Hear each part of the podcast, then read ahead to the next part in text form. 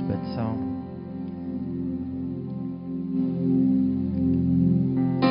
Dankie Here dat ons so kan saam wees en 'n groot gebed kan bid.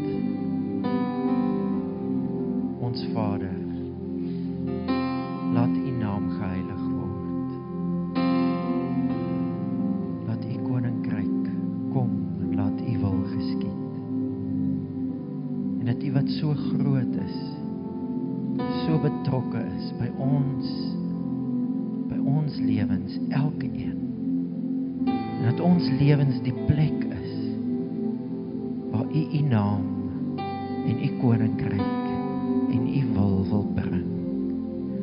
En ons wil onsself oopstel, Here, vir U vir U woorde, vir U gees dat U kan doen dit wat U wil doen in die naam van Jesus.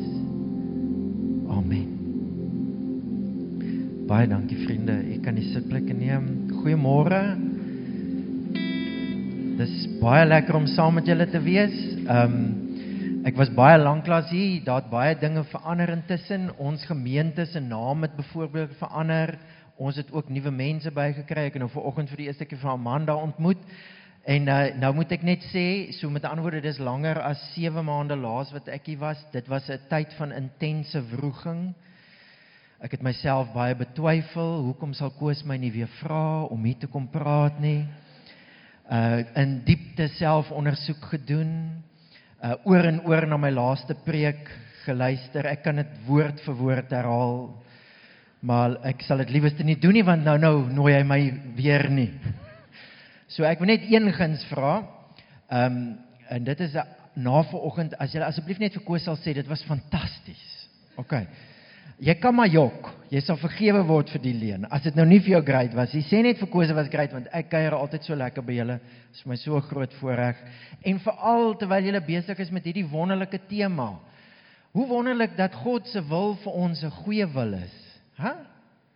Dat hy dit goed bedoel met ons. En sy wil vir ons 1 Tessalonisense 5 vers 18 is dankbaarheid. Dis so wonderlik en En ek dink baie keer as ons as mense dink aan dankbaarheid, dan dink ons dis goeie maniere, want dis mos wat ons vir ons kinders leer. Hoe sê mens? Né? Hoe sê mens? Dankie. En baie keer as ons dink aan aan dankbaarheid, dan is dit hoe ons voel. Ag, is goeie maniere of dis ons Christelike plig, jy weet, die Here gee so baie vir ons, ons moet dan ons moet dan dankie sê.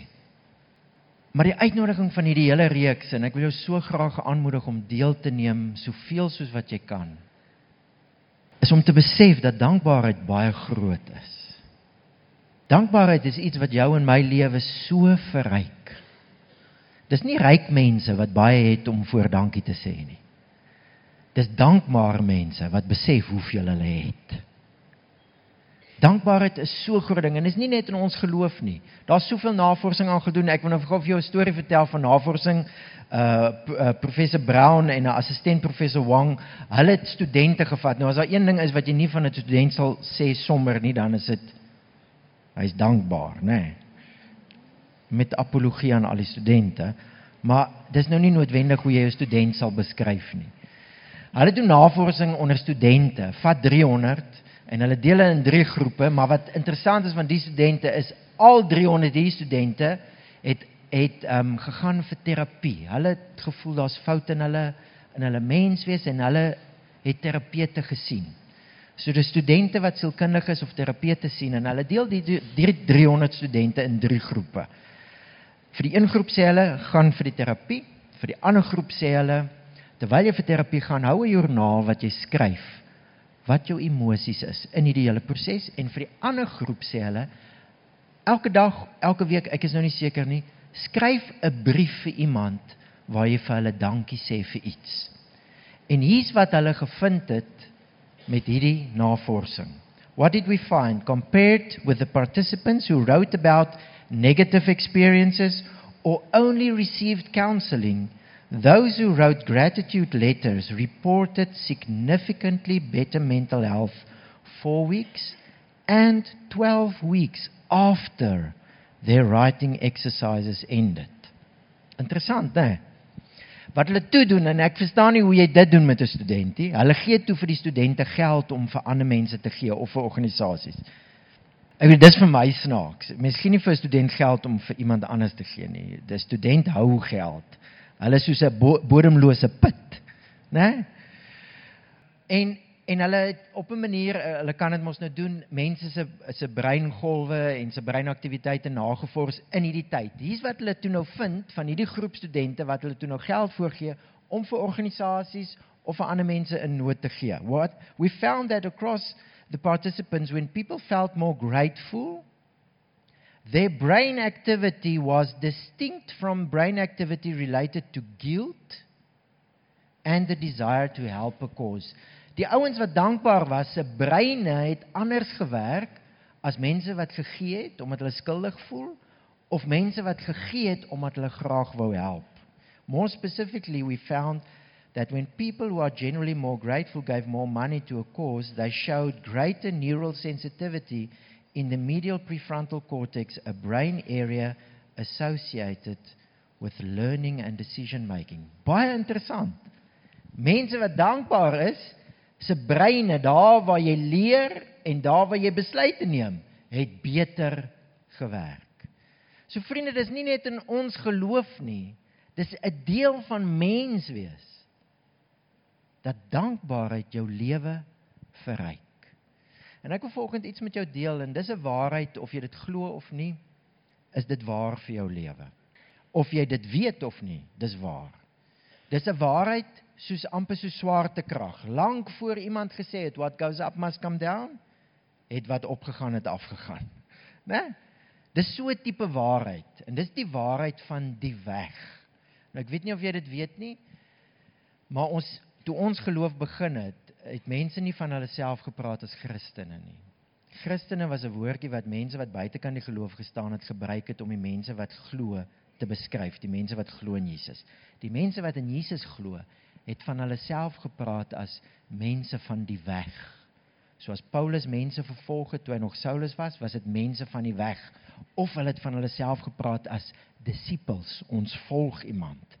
Jesus ons Here het van homself gepraat as ek is die weg, die waarheid en die lewe. So in die begin was om te glo was nie 'n boksie wat jy kon tik nie. Dit was nie een of ander waarheid waar wat jy op 'n verstandelike vlak net kon instem op nie. Dit was 'n pad. Dit was 'n pad wat jy geloop het. Dit was om iemand te volg. En die waarheid van die weg is 'n waarheid wat waar is van jou en van my of jy dit glo of nie.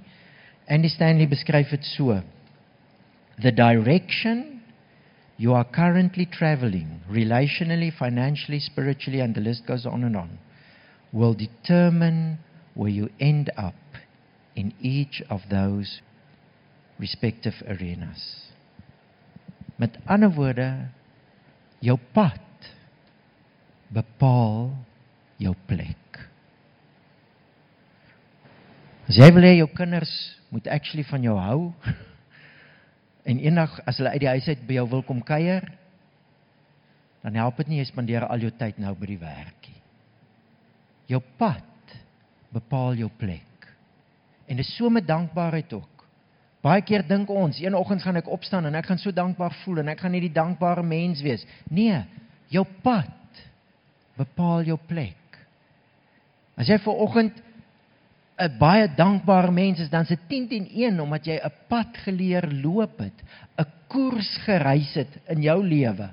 Nie net gebruik dit nie, maar soos ons verlede week gehoor het, onthou, onthou, teruggedink het, gedink het, gereflekteer het, tyd gevat het om dankie te sê. Jou pad bepaal jou plek. Dis waar van enige iets in jou lewe, verhoudings, finansies, enige iets ook by dankbaarheid. So 'n goeie vraag vir oggend sal wees: Waar bevind ek myself? Hoe dankbaar leef ek? En as jy nou gou moet dink op 'n skaal van 0 tot 10. Waar sou jy jouself sit? Want die uitnodiging van hierdie reeks is nie net om een keer 'n jaar te onthou nie, maar is 'n uitnodiging om 'n nuwe pad te kies. 'n Pad wat jou kan help om al hoe meer 'n dankbare mens te wees. En dan is dit vir my geweldig interessant as jy nou as jy nou hierdie gedagte naby hou van die pad, die waarheid van die weg. Dis waar of jy dit glo of nie, dis waar vir jou lewe. Jou pad bepaal jou plek. En jy lees dan Paulus was 'n lysie ou. Hy het 'n klomp lysies gemaak. Hy maak lysies van gawes, hy maak lysies van goeie eienskappe, die vrug van die gees, hy maak lysies van sondes. Baie mense as hulle Paulus se lysies van sondes lees, dan voel hulle, "Jo, soos ons eens personeel het altyd sê, moenie so judgerig wees nie, man." Dan voel hulle Paulus is maar judgerig. Dit is my baie erg dat ander mense as hulle weer die lysie sonde lees, veral as die pastoor daaroor preek, dan voel hulle baie naby aan die Here. Dis dit nie vreemd nie. Hoe baie keer as ons skuldig voel, voel ons naby aan die Here. Dis vreemd, né? In elk geval. Maar maar as jy as jy die die waarheid in gedagte hou, Paulus is eintlik besig om 'n pad te beskryf. Hy beskryf die pad wat die mensdom gekies het. En jy kan gaan lees, dis vir my opvallend. Romeine 1, 1 Timoteus 4, ons lees nou 1 Timoteus ag 2 Timoteus 3, as Paulus 'n lysie maak van die pad wat die mensdom reis, die koers van die mensdom, maak hy elke keer melding van die ondankbaarheid of die afwesigheid van dankbaarheid. Hoor gou byvoorbeeld in 2 Timoteus 3. Jy moet ook dit weet Timoteus, dat daar gedurende die laaste dae moeilike tye sal kom. En ons kan so baie praat oor laaste dae, maar ons gaan nou nie vanoggend hê. Want mense sal net hulle self en hulle geld lief hê. Klink dit bekend? Hulle sal groot praterig en arrogant wees, met God spot, ongehoorsaam aan hulle ouers en ondankbaar. Hulle sal optree asof hulle godsdienstig is, die hierdie selfde mense, maar dit ontken wat aan die Christelike godsdienst sy krag gee. Jy moet wegbly van sulke mense. Paulus is nie judgerig nie. Hy's soos 'n goeie dokter wat 'n diagnose maak. Jy gaan tog nie by jou dokter kom en as hy vir jou sê luister hier's iets ernstig fout sê, is dokter jy judge my dan maar nou jong. Nee, jy gaan vir hom sê dankie dat jy my judge, want daar's fout. Help my asseblief. Wat is die behandeling? Paulus beskryf die pad wat die mensdom kies en dis treffend opvallend elke keer as hy die pad beskryf wat die mensdom kies is daar 'n afwesigheid van dankbaarheid. Dankbaarheid kom nie van self nie. Nie in die wêreld waarin ons leef nie. Kinders word ook nie dankbaar gebore nie. Het jy dit al gesien? Né? Nee? Daar. Daar, né? Dan leer jy vir hulle die woordjie dankie en dan is dit dankie. Dankie. Né? Dankie word 'n ander woordjie vir da, da. Myne, myne. Paulus beskryf die mensdom se pad. En vriende, hoekom is dit belangrik? Want ek glo Jesus nooi my en jou en dis hoekom ek wil uitnooi om hierdie paar weke regtig deel te neem aan hierdie reeks. Ons gaan nie van self in dankbaarheid indryf nie ons gaan 'n keuse moet maak vir 'n pad wat Jesus jou roep. 'n Pad wat anders is as die wêreld. 'n Pad waar hy ons help om te groei en te verander sodat ons meer dankbaar kan wees. Ek um, ek dink almal van ons het al verdwaal in die lewe, né? Ek bedoel nou regtig met 'n kar of so. En het jy al agtergekom jy weet nie dadelik jy het verdwaal nie. Nee. Jy kom dit mos eers later agter. So 10 of 15 km of so 20 minute later kom jy agter. Ag, ek dink ek het nou eers verkeerd gedraai. So as Paulus vir Timoteus jong man wat 'n gemeente lei waarsku en sê jy moet dit weet dan is dit nie omdat hy wil oordeel of veroordeel nie. Dis omdat hy besef hier's iets in hierdie wêreld aan die gang wat ons wegvat van God se goeie en en volmaakte plan, sy wil vir ons lewens. En daar's 'n storie uit Jesus se lewe en ek dink julle het verlede week met dit ook 'n uh, 'n bietjie daaroor gedink en daarmee gewerk, die storie van die 10 melaatses. Onthou jy die storie van die 10 melaatses? Uh 10 mense wat hierdie siekte het wat mense in daai tyd gedink het is geweldig aansteeklik en en omdat mense so misvormd raak as gevolg van dit was daar allerlei fobies rondom dit. So daai mense is uit dorpe uitgeskuif eenkant gelos. As jy vir hom wil help vat jy vir hom kos buitekant die dorp. En ons lees van hierdie verhaal in Lukas 17 waar Jesus besig is om te reis na Jerusalem en 10 van hierdie mense op 'n afstand want dis hoe sulke mense moes werk in die wêreld van daai tyd skree hulle vir Jesus help ons en Jesus doen iets vreemd hy skree vir hulle terug hy sê ek gaan wys julle vir die priester want die priester moes altyd um, as iemand siek was of onrein was sê die persoon is rein hy kan weer terugkom in die dorp terug in die gemeenskap. So 10 ouens hoor wat malaatses hoor dat Jesus vir hulle skree, gaan wys julle. En hulle al 10 draai om en hulle gaan na die priester toe. Ons weet nie hoe ver dit was nie. Miskien was dit net hier om die draai, miskien was dit kilometers wat hulle moes reis. Stem jy saam al 10 het geglo? Stem jy saam? Ja.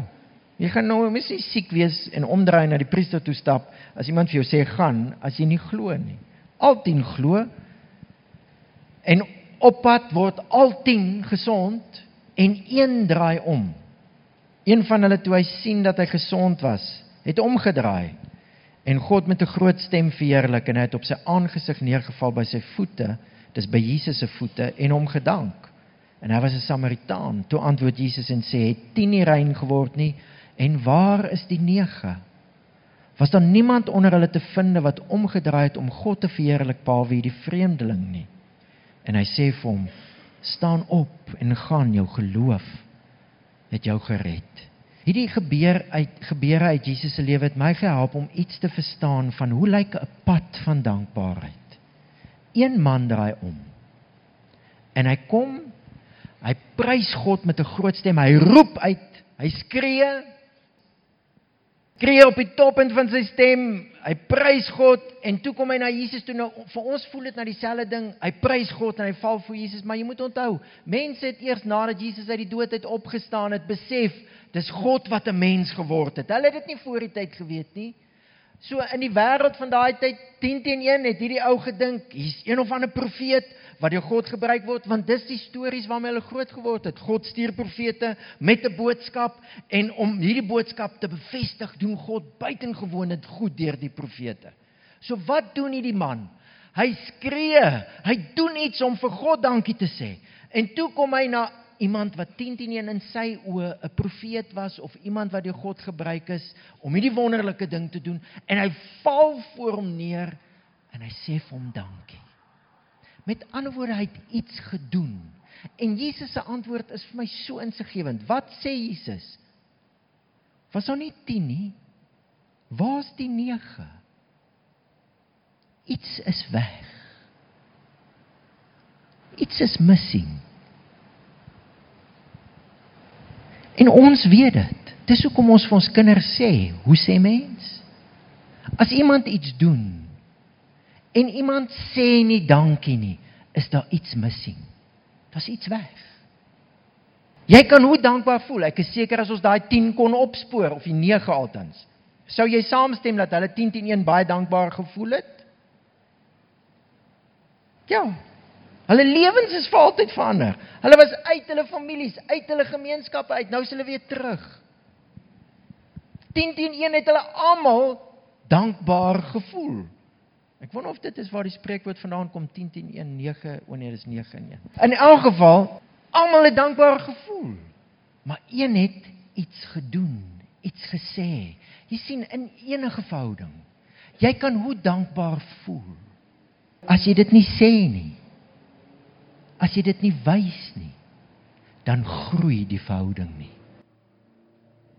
Ja, maar dis mos wat my ouers moet doen. Dis afte al wat ouers doen. Dis mos wat my man of my vrou moet doen. Dis waarvoor sy geteken het. Dis wat my werknemers moet doen. Ek betaal hulle.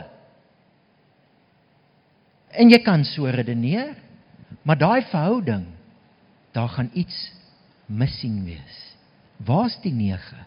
Waar's dit wat daar hoort? Jy sien, ons is so gemaak. As ek iets doen vir iemand, jy weet dit, as jy iets doen vir iemand, al voel daai persoon hoe dankbaar. As hy dit nie wys nie, as hy dit nie sê nie, hoe beleef jy dit as ondankbaarheid? Dankbaarheid is 'n bepalende faktor in alle verhoudinge. In jou verhouding met jou Skepper, in jou verhouding in jou huwelik, in jou verhouding met jou kinders, met jou ouers, in jou verhoudinge by jou werk met jou kollegas, jy kan redeneer, ek betaal hulle.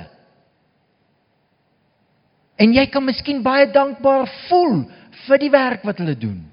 Maar as jy dit nie sê nie, as jy dit nie wys nie, hoe beleef hulle dit? Jy's nie dankbaar nie. Iets is weg. Hoe lyk 'n pad wat lei tot groter dankbaarheid? Dis 'n pad waar dankbaarheid nie net iets is wat gevoel word nie, maar iets is wat jy doen. Iets is wat jy oefen. Jy skree, miskien nou nie. Jy val voor iemand se voete, miskien nou nie. Jy sê, jy doen iets. Jy skryf 'n briefie. Jy wys jou dankbaarheid. Jy doen iets en daai wat jy doen laat die verhouding groei. Jesus sê vir hierdie een man, gaan jou geloof het jou gered. En dis vir my hartseer in in die wêreld waarin ek en jy leef en groot geword het, het redding meeste van die tyd net te doen met waartoe gaan jy as jy doodgaan. Maar as jy Lukas lees en as jy die hele Nuwe Testament lees, het dit te doen met die gebed wat ons nou nog gebid het. Vader, laat U koninkryk kom.